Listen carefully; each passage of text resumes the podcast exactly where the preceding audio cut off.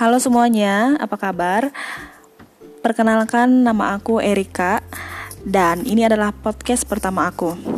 Jadi sebenarnya aku beranikan diri bikin podcast ini karena aku punya keinginan untuk bisa berbagi dengan kalian semuanya apa yang aku pelajari di kampus mengenai psikologi dan juga konseling juga mungkin hal-hal yang ada di sekitarku yang menarik untuk dibahas atau hal-hal yang sedang berkembang saat ini. Nah, um, aku masih belajar banget dan masih pakai tools yang aku punya aja sekarang ini. Dan aku berharap apa yang aku bagikan nanti itu bermanfaat untuk kalian.